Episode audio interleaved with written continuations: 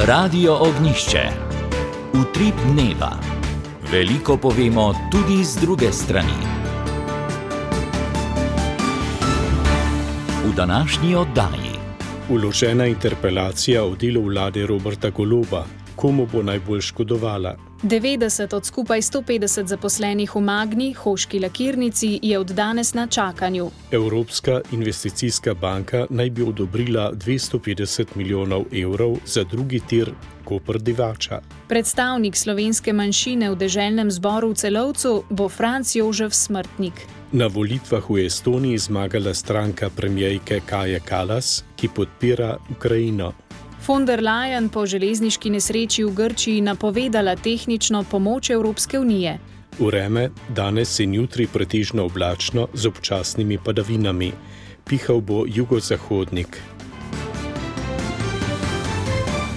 Dober dan, z vami smo urednik oddaje Tone Gorjub, tehnik Jakob Čuk in voditeljica Slavi Košir.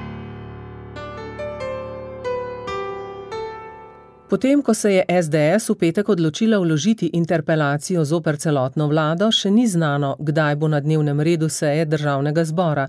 Ta tako imenovani poskus klica k razumu je konec tedna bolj malo odmeval, tudi Nova Slovenija se do interpelacije še ni opredelila. Več Tanja Dominko. Interpelacija pomeni razpravo v državnem zboru o spornih potezah te vlade, ki zajedajo same temelje Slovenije. Z njo pa želijo vladi razložiti nekatere stvari, je dejal prvak SDS Janez Janša. Ukinitev muzeja slovenske osamosvojitve je po njegovem napad na vrednotni sistem, na katerem temelji Republika Slovenija in okrog katerega je bila spisana slovenska ustava. Ukinitev urada za demografijo pa je napad na bistvo našega obstoja, meni. Če ne bo slovencev, ne bo Slovenije, je opozoril. V SDS pričakujejo, da bo po razpravi vlada morda nekatere sporne poteze preklicala oziroma umaknila. To ni interpelacija za zamenjavo vlade, je dejal. NSI je znova povabil, da lahko prispeva svoje podpise in se pridruži interpelaciji. Razpravo naj bi predvidoma ta stranka opravila jutri. SDS je podobne razprave parlamenta o delu vlade doslej zahtevala trikrat: leta 2016 o delu vlade Mira Cerarja, leta 2004 o delu vlade Antona Ropa in leta 1997 o delu vlade Janeza Drnovška. Kaj je torej namen? Če bi želel z interpelacijo okrepiti desni pol, bi tej potezi rekli politična napaka, meni Rok Čakš, urednik portala domovina.je. Mar bi tako izkušen strateg res po naključju upošteval takšne navide začetniške napake? Seveda ne. Janša trenutno tepta teren na lastnem dvorišču, kjer v času, ki je na voljo do naslednjih volitev, skušajo vzkliti pobude za prestrukturiranje desno-sredinskega pola. Janševa interpelacija vlade tako v resnici ni uperjena proti golobu in njegovim, temveč za striženje poruti tistim, ki za njegov okus na desni kažejo prevelike ambicije, da stvari spremenijo oziroma jih zastavijo drugače, kot to že desetletja počne sam. In pri tem še zdaleč ne gre samo za Novo Slovenijo. Očitno ga skrbijo tudi tisti, ki se zbirajo na shodu pod okriljem Pavla Ruparja in med vrsticami omenjajo novo upokojensko stranko. Eden tistih, ki je pod Janševim plaščem začel graditi lastno politično kariero, ki mu niti malo ni bila po volji, je dr. Gregor Virant. Leta 2011 je ustanovil državljansko listo. Kakšen nasvet bi dal tistim, ki bi želeli obogatiti ponudbo strank na desni sredini danes? Pravi, da bi se iz njegovih napak lahko veliko naučili. Pomembno je, da doseže oblast tista stran, ki seže čez polovico. Da bi to dosegel, seveda, se moraš prvič znebiti odbojnosti. Torej, znebiti se moraš v čim večji meri tega, da bi ljudje šli na volitve zato, da glasujejo proti temu, da bi desnica vladala, in pa z neko zmerno, sredinsko ponudbo moraš poseči po sredini. Kaj ti, sred, kaj ti volitve odločata dva faktorja. Odloča udeležba in drugič odloča uh, to, kdo prepriča sredinske voljivce. Pri tem kot svetov primer navede dr. Anžeta Logarja, ki je segel zelo daleč, pravi. On bi bil lahko pravi navdih, sklene Virant. 90 od skupaj približno 150 zaposlenih v Magnini hoški lakirnici je od danes na čakanju. Vodstvo kanadsko-avstrijske avtomobilske multinacionalke se je namreč pred nekaj dnevi odločilo proizvodnjo preseliti v svojo graško tovarno. Na lokaciji ostaja nekaj tistih, ki bodo zaenkrat skrbeli za objekt. Prispevek Roka Mihevca. Vodstvo Magne je prejšnji teden zaposlene in njihove sindikalne predstavnike presenetilo z odločitvijo, da bodo začeli postopek preoblikovanja proizvodnih procesov. Vzroka razmere na avtomobilskem trgu in manjše povpraševanje. V pred nekaj leti zgrajeni hoški tovarni nameravajo urediti podporno razvojno središče za svoje druge lokacije po svetu, kjer naj bi v prihodnje spet zaposlovali. Ob tem so napovedali, da bodo te spremembe vplivale na približno 90 zaposlenih. Z vsemi bodo opravili razgovore in tistim, ki bodo za to izkazali interes, skušali zagotoviti delo znotraj skupine. Za ostale bodo pripravili program razreševanja presežnih delavcev. Od danes je tako večina zaposlenih na čakanju, kjer bodo ostali vse dokler ne bodo zaključeni postopki v skladu zakonodajo v primeru odpuščanja večjega števila delavcev. Sindikat jim bo v pogajanjih skušal zagotoviti čim više odpravnine, vodstvo podjetja pa je po zagotovilih sindikalista Gvida Novaka delavcem na mesto zakonskih 80 obljubilo 90 odstotkov nadomestila. Gospodarski minister Matjaš Han od podjetja pričakuje vračilo več kot 18 milijonov evrov državne pomoči skupaj z obrestmi.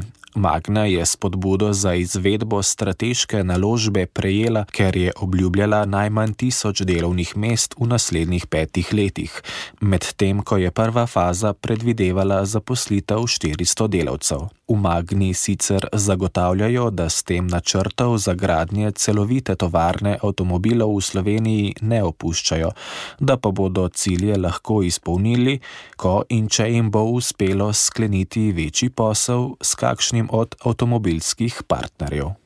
Gospodarska zbornica poziva k spremembi novele zakona o pomoči gospodarstvu za omilitev posledic energetske krize, saj ta po njihovi oceni v neenakopraven položaj postavlja mikro, mala in srednje velika podjetja.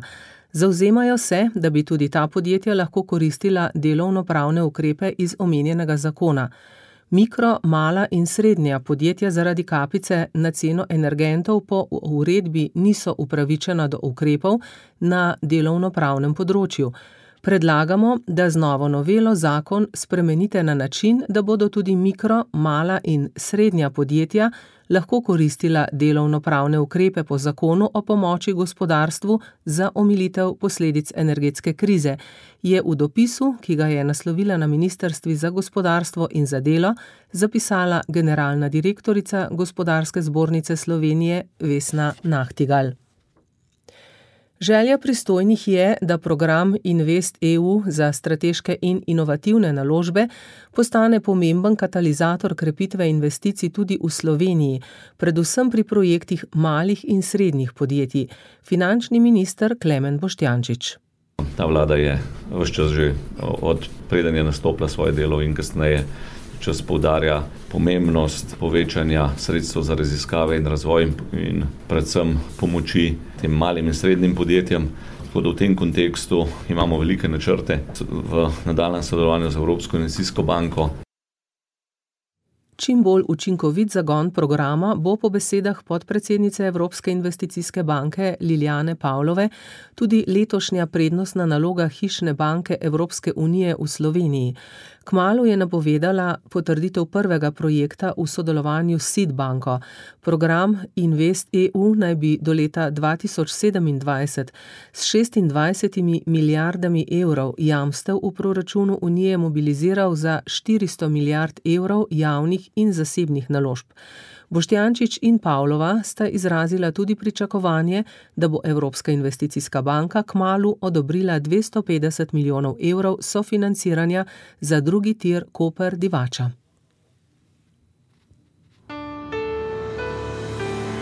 Radio Ognišče, utrip dneva.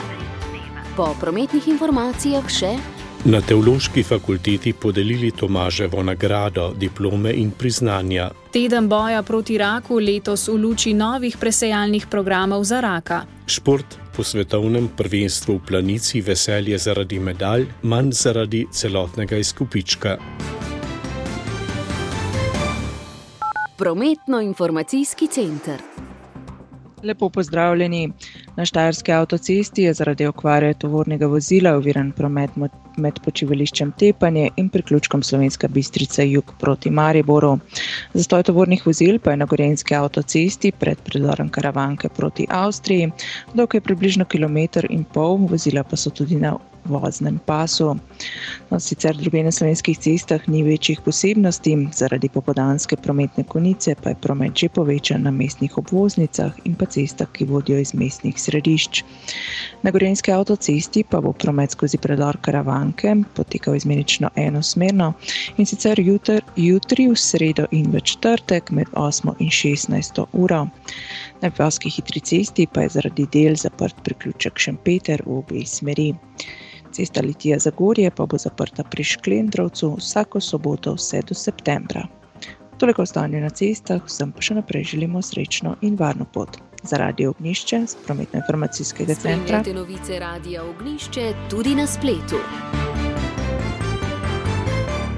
V krovnih organizacijah slovencev na avstrijskem Koroškem po včerajšnjih volitvah v deželni zbor upajo, da bo vlado v celovcu še naprej vodil Peter Kajzer iz socialdemokratov. Pozdravili so tudi izvolitev Franca Jožefa Smrtnika na listi ekipa Koroške. Verjamejo, da bo v parlamentu v celovcu dobro zastopal manjšino Tone Gorjub. Socialdemokrati so po včerajšnjih volitvah ostali najmočnejša stranka na Koroškem, a so zabeležili precej slabši izid od pričakovanega. V državnem zboru bodo imeli 15 mandatov, tri manj kot doslej. Na drugo mesto so se uvrstili svobodnjaki, na tretje pa ljudska stranka, na četrto ekipa Koroška. Slednji pripada podžupan železne kaple Franc Jožef Smrtnik, ki je zagotovil, da se bo v državnem zboru zauzemal za pravice manjšine Južne Koroške in podeželja. Kdo mene pozna, ve, da bo tudi se tu en človek zauzemal za Južno Koroško, za probleme malega človeka in za probleme naše narodne skupnosti. Zaveda se, da to ne bo lahko, saj stranka, ki ji pripada, ni vselej na strani slovencev. Za slovenski program radia ORF je Franc Jožef Smrtnik dodal. Je tako, da to bo sigurno zanimiva konstelacija. Sam vem, tako dolgo sem bil že v politiki kot župan, 12 let, da ne uspeš vse, kar se v glavo zabiješ. Sam, če pa poskušaš in se trudiš, potem pa veliko uspe. Že v volivni kampanji, v katero se Narodni svet koroških slovencev ni direktno vključil, je slednji, poleg Olge Foglaver, ki je kandidirala na listi zelenih, podprl tudi smrtnika. Predsednik zbora narodnih predstavnikov v Narodnem svetu Nanti Olip je pozdravil njegovo izvolitev, saj verjame, da se bo zauzel za svoje rojake. V vseh teh letih političnega delovanja je bil zauzet in konsekventen zagovornik tematik, ki se tiče tudi narodne skupnosti in pa podeželskega prostora. Prepričan sem, da bo on z vso svojo izkušenostjo in držo lahko vplival na razpravo prav pri teh temah, ki se tičejo narodne skupnosti in pa seveda tudi življenskega prostora, kjer koroški slovenci živimo. V Narodnem svetu koroških slovencev pričakujejo, da bodo novo vlado sestavili socialisti z okrepljeno ljudsko stranko. Stranki sta v dokajšnjem soglasju vladali skupaj tudi doslej. Opozoril pa je, da slovenska narodna skupnost še vedno čaka na temeljito reformo zakona o narodnih skupnostih. Predsednica Evropske komisije Ursula von der Leyen je z grškim premijejem Kirikakosom Mitsotakisom govorila o nadaljni tehnični podpori, ki jo lahko Evropska unija zagotovi Grči za posodobitev železnic in izboljšanje varnosti. Gre za konkreten odziv Bruslja po hudi železniški nesreči v Grčiji prejšnji teden, ko je umrlo 57 ljudi. Predsednica komisije je napovedala, da bodo predstavniki komisije in strokovnjaki iz Evropske agencije za železnice še ta teden odpotovali v Atene. Dodala je, da je varnost na železnicah ključnega pomena. Micotakis je medtem vrhovno sodišče pozval naj začne preiskavo najhujše železniške nesreče v zgodovini države. Že včeraj je prosil za odpuščanje družinskih članov umrlih, potem ko so izbruhnili protesti zaradi napak oblasti in dolgoletnega zanemarjanja grških železnic. V Ukrajini se krepijo napadi. Ukrajinski predsednik Volodimir Zelenski je dejal, da v Donbasu bijajo bolečo in težko bitko. V okolici Bahmuta, kjer že tedne potekajo hudi boji, naj bi ukrajinske sile odbile več kot 130 napadov. Zauzetje tega mesta bi Rusiji namreč omogočilo napredovanje do drugih večjih mest v regiji, kot sta Krematorsk in Slovjansk. Britansko obramno ministrstvo medtem v zadnjih dneh poroča o več težavah, ki naj bi jih imeli ruski vojaki na fronti. Danes je sporočilo, da Rusija uničena vozila v Ukrajini nadomešča z mnogo starejšimi modeli. Prav tako naj bi ruske rezerviste zaradi pomankanja streljiva oboroževali kar z lopatami, poročajo Britanci. Države članice Združenih narodov so se v soboto po desetih letih pogajanj končno dogovorile o besedilu prve mednarodne pogodbe o zaščiti svetovnih oceanov. Ta občutljivi del ekosistema in pomembno naravno bogatstvo pokriva skoraj polovico planeta. V skladu z dogovorom ne bi med drugim zaščitili 30 odstotkov svetovnih morij do leta 2030. Do zdaj je bilo zaščitenih manj kot odstotek odprtih morij. Morsko življenje zaščitenih območij je žal vse bolj ogroženo zaradi podnebnih sprememb, prekomernega ribolova in ladijskega prometa, zato je tokratna pogodba zelo pomembna. Na volitvah v Estoniji je včeraj prepričljivo zmagala reformna stranka. Dobila je 37 od 101 sedeža, tri več kot na volitvah leta 2019. Njena voditeljica in premijejka Kaja Kalas velja za eno najodločnejših podpornic Ukrajine v Evropi, za nadaljne vladanje pa bo morala sklepati koalicije. Dosedanji partnerici, socialdemokrati in konzervativna stranka, sta osvojili devet oziroma osem sedežev. Utrip dneva, tudi v obliki podcasta.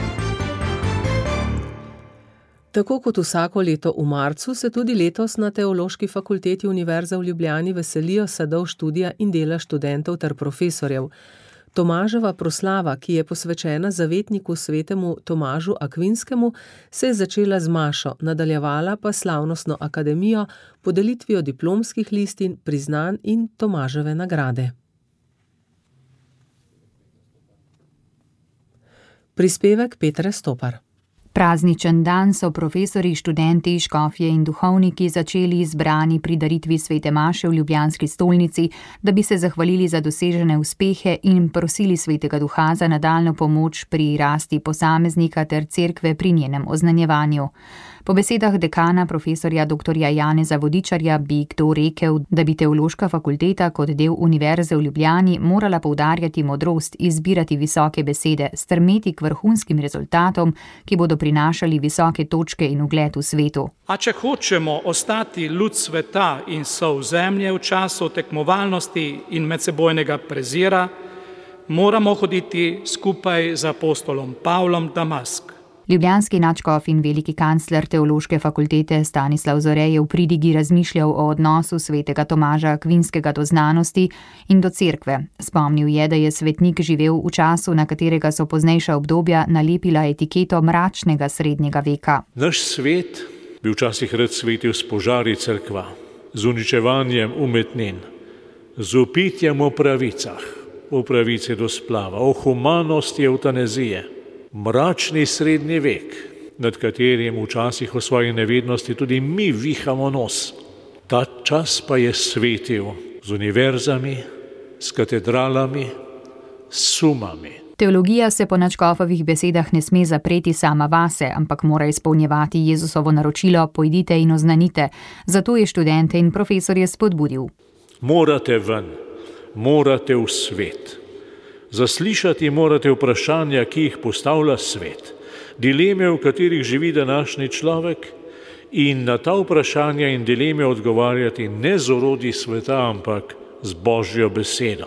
Slavnostni govornik na akademiji je bil izredni profesor dr. Mari Jože Osredkar, ki je predaval o molitvi kot izrazu prepoznavanja božje prisotnosti. Z dopodansko novinarsko konferenco so se začele aktivnosti jubilejnega 40. slovenskega tedna boja proti raku, ki ga organizira Zveza slovenskih društev za boj proti raku v sodelovanju z Onkološkim inštitutom Ljubljana. Letos poteka pod geslom Slovenija pred novimi presejalnimi programi za raka. Že znanim štirim programom se obeta nadaljne raziskovanje in postopna uvedba novih programov za pljučnega raka, raka prostate ter v nekaterih državah in regijah tudi za rak želoca. Več meta potočnik. V Sloveniji za rakom letno zboli približno 15 tisoč ljudi. Je vodilni vzrok smrti pri moških, pri ženskah je na drugem mestu. Zato so presejalni programi zelo pomembni, saj preprečujejo prezgodnje smrti. Ob začetku tedna na Onkološkem inštitutu povdarjajo, da obstoječi presejalni programi, kot so Svid, Zora in Dora, v Sloveniji izjemno dobro delujejo in dosegajo vse evropske kazalnike kakovosti. Na podlagi izkušenj z njimi in tudi na podlagi usmeritev sveta Evropske komisije bo treba tudi nove programe uvajati postopoma in na visoki ravni kakovosti. Smo pa v Sloveniji na to pripravljeni. Ob tem je vodja državne komisije za presejalne programe Urška Ivanuš pojasnila, da je za uvedbo katerega koli presejalnega programa treba izpolniti jasna znanstveno-strokovna merila. Rada bi na tem mestu poudarili, da ta priporočila niso nastala čez noč in tudi novi presejalni programi zagotovo ne bodo uvedeni čez noč. Priporočila so nastajale okrog dve leti in sicer pod okriljem Evropskega načrta za boj proti raku, Pri tem je Mojca Gobec iz Ministrstva za zdravje pojasnila. Sedaj se naše delo usmerja v slovenski prostor, kjer bodo ključni strokovnjaki z področja ključnega raka in raka prostate ter drugi deležniki v naslednjih nekaj letih pripravili na dokazih temelječa izhodišča za postopno preverjanje in uvajanje vzdržnega, organiziranega presejanja tako za pljučnega raka kot za raka prostate v Sloveniji. Strokovnjaki v tem tednu še posebej opozarjajo, da so najpogostejši raki pri nas kože, debelega črevesa in danke, pljuč, dojke in prostate povezani z nezdravim življenjskim slogom, čezmernim sončenjem, nepravilno prehrano, kajenjem in čezmernim pitjem alkohola. Prav tako je pomembno, da je posameznik pozoren na vse zdravstvene spremembe ter pomaga drugim bolnikom ali sam prosi za pomoč, aktivno sodeluje pri zdravljenju in deli svojo zgodbo z drugimi, še navajajo v Mednarodni zvezi za boj proti raku. Športni prispevek začenjamo s pogledom v planico. Kraljevska disciplina v smučarskem teku je včerajšnji zadnji dan 43. svetovnega prvenstva v nordijskem smučanju pripadla Norveški. Na 50 km v klasični tehniki je zmago slavil Paul Goldberg, ki je ciljno črto prečkal le sekundo pred rojakom Johannesom Hesflutom Klebom. Bron pa je osvojil šved William Poroma, ki je za zmagovalcem zaostal sekundo 20. Med tremi slovenci je bil najboljši Miha Ličev, 39, Jošt Mulej je bil 45, Miha Šimenc pa zaradi preutrujenosti tekme ni končal. Sicer pa so smučarski skakalci poskrbeli, da se bo svetovno prvenstvo v planici tudi na športno stran zapisalo z zlatimi črkami. Timi Zajci je postal svetovni prvak na Blotkovi velikanki, pod prvo ekipno zlato kolajno so se podpisali Zajc, Lanišek, Jeler in Kos. Prvo slovensko odličje bronastega sijaja pa je na tem svetovnem prvenstvu priskakala mešana ekipa. Vodja skakalne panoge Gorast Pogorelčnik. Da to, kar se je zgodilo zadnja dva dni, da smo si vsi na nek način samo želeli, če bi nekdo pred začetkom prvenstva ponudil eh, dve zlati in pa bronasto kolajno, bi jo seveda z največjim veseljem sprejeli. Tukaj v Plenici na domačem prvenstvu je bil mogoče mal manj uspešen prvi teden, pa smo nekako nadgradili drugi teden, tako da absolutno z dvema zlatima in bronasto medaljo na koncu moramo biti zadovoljni. Polno predajo organizatorske zastave Trondheimu, ki bo čez dve leti kot naslednji gostil svetovno prvenstvo v nordijskem smučanju, se je včeraj tako končalo svetovno prvenstvo pri nas.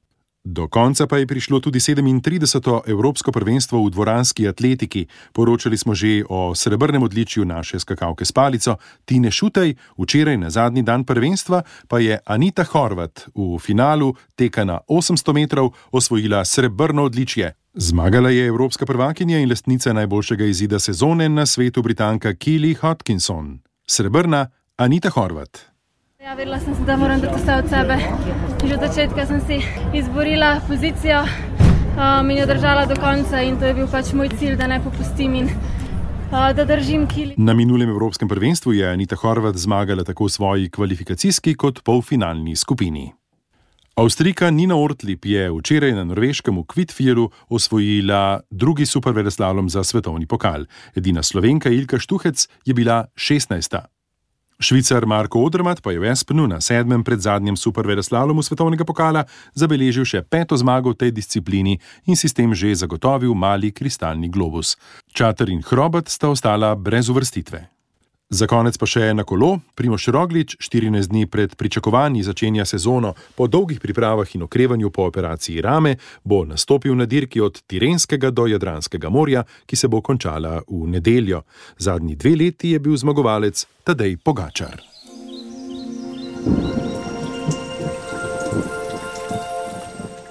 Popovdne bo pretežno oblačno, pojavljale se bodo krajevne plohe, ponekod bo pihal jugozahodni veter. Najvišje dnevne temperature bodo od 4 do 10 na primorskem in v jugovzhodni Sloveniji do 13 stopinj Celzija. Jutri bo sprva večinoma oblačno, popovdne se bo ponekod delno razjasnilo. Še se bodo pojavljale manjše krajevne padavine, ki bodo pogostejše zjutraj in dopovdne. Pihal bo jugozahodni veter. Najnižje jutranje temperature bodo od nič do pet, ob morju okoli sedem, in najvišje dnevne od 9 do 14 v alpskih dolinah okoli 6 stopinj Celzija.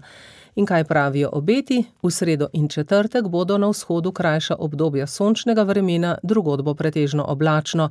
V zahodni, osrednji in južni Sloveniji se bodo občasno pojavljale krajevne padavine, oba dneva bo pihal jugozahodnik toplobo. Zdaj pa vremenski podatki za 15. uro, najprej pogledajmo škofijska mesta. Ljubljana oblačno dežuje 7, Maribor 7, Koper 12 stopinj, Novo mesto pretežno oblačno 11, Celje 9 in Murska sobota pretežno oblačno 8 stopinj Celzija. Še podatki za nekaj preostalih mest, v Črnomlju so izmerili 11 stopinj, v Hrastniku in na Ptuju 9 stopinj Celzija. Sloven Gradec ob 15. uri pretežno oblačno 8, postojno oblačno 7, tudi Idrija 7 stopinj, Logatec, Mežica in Pohorje 6 stopinj, Kran in Bohinska češnica 5, Tolminter Rateče 4, Kredarica v oblakih rahlo sneži minus 7 stopinj Celzija. Na Štajerski avtocesti je zaradi okvare tovornega vozila oviran promet med počivališčem Tepanje in priključkom Slovenska bistrica jug proti Mariboru. Na primorski avtocesti pa je zaradi okvare vozila zaprt počasni pas med priključkom Unec in počivališčem Raubar Komanda v smeri proti Kopru. Zastoj tovornih vozil je na gorenski avtocesti pred predorom Karavanke v smeri proti Avstriji, zastoj je dolg 2 km, vozila so tudi na voznem pasu. Zaradi popodanske prometne konice pa je promet povečan na mestnih obvoznicah in cestah, ki vodijo iz mestnih središč. Vozite previdno, vozite strpno, želimo vam srečno pot. Poslušali ste utrip dneva, z vami smo bili dnevni urednik Tone Gorjub, tehnik Jakob Čuk in voditeljica Slavi Košir. Zdaj je ura 15 in 28 minut. Radio Ognišče. Veliko povemo, tudi z druge strani.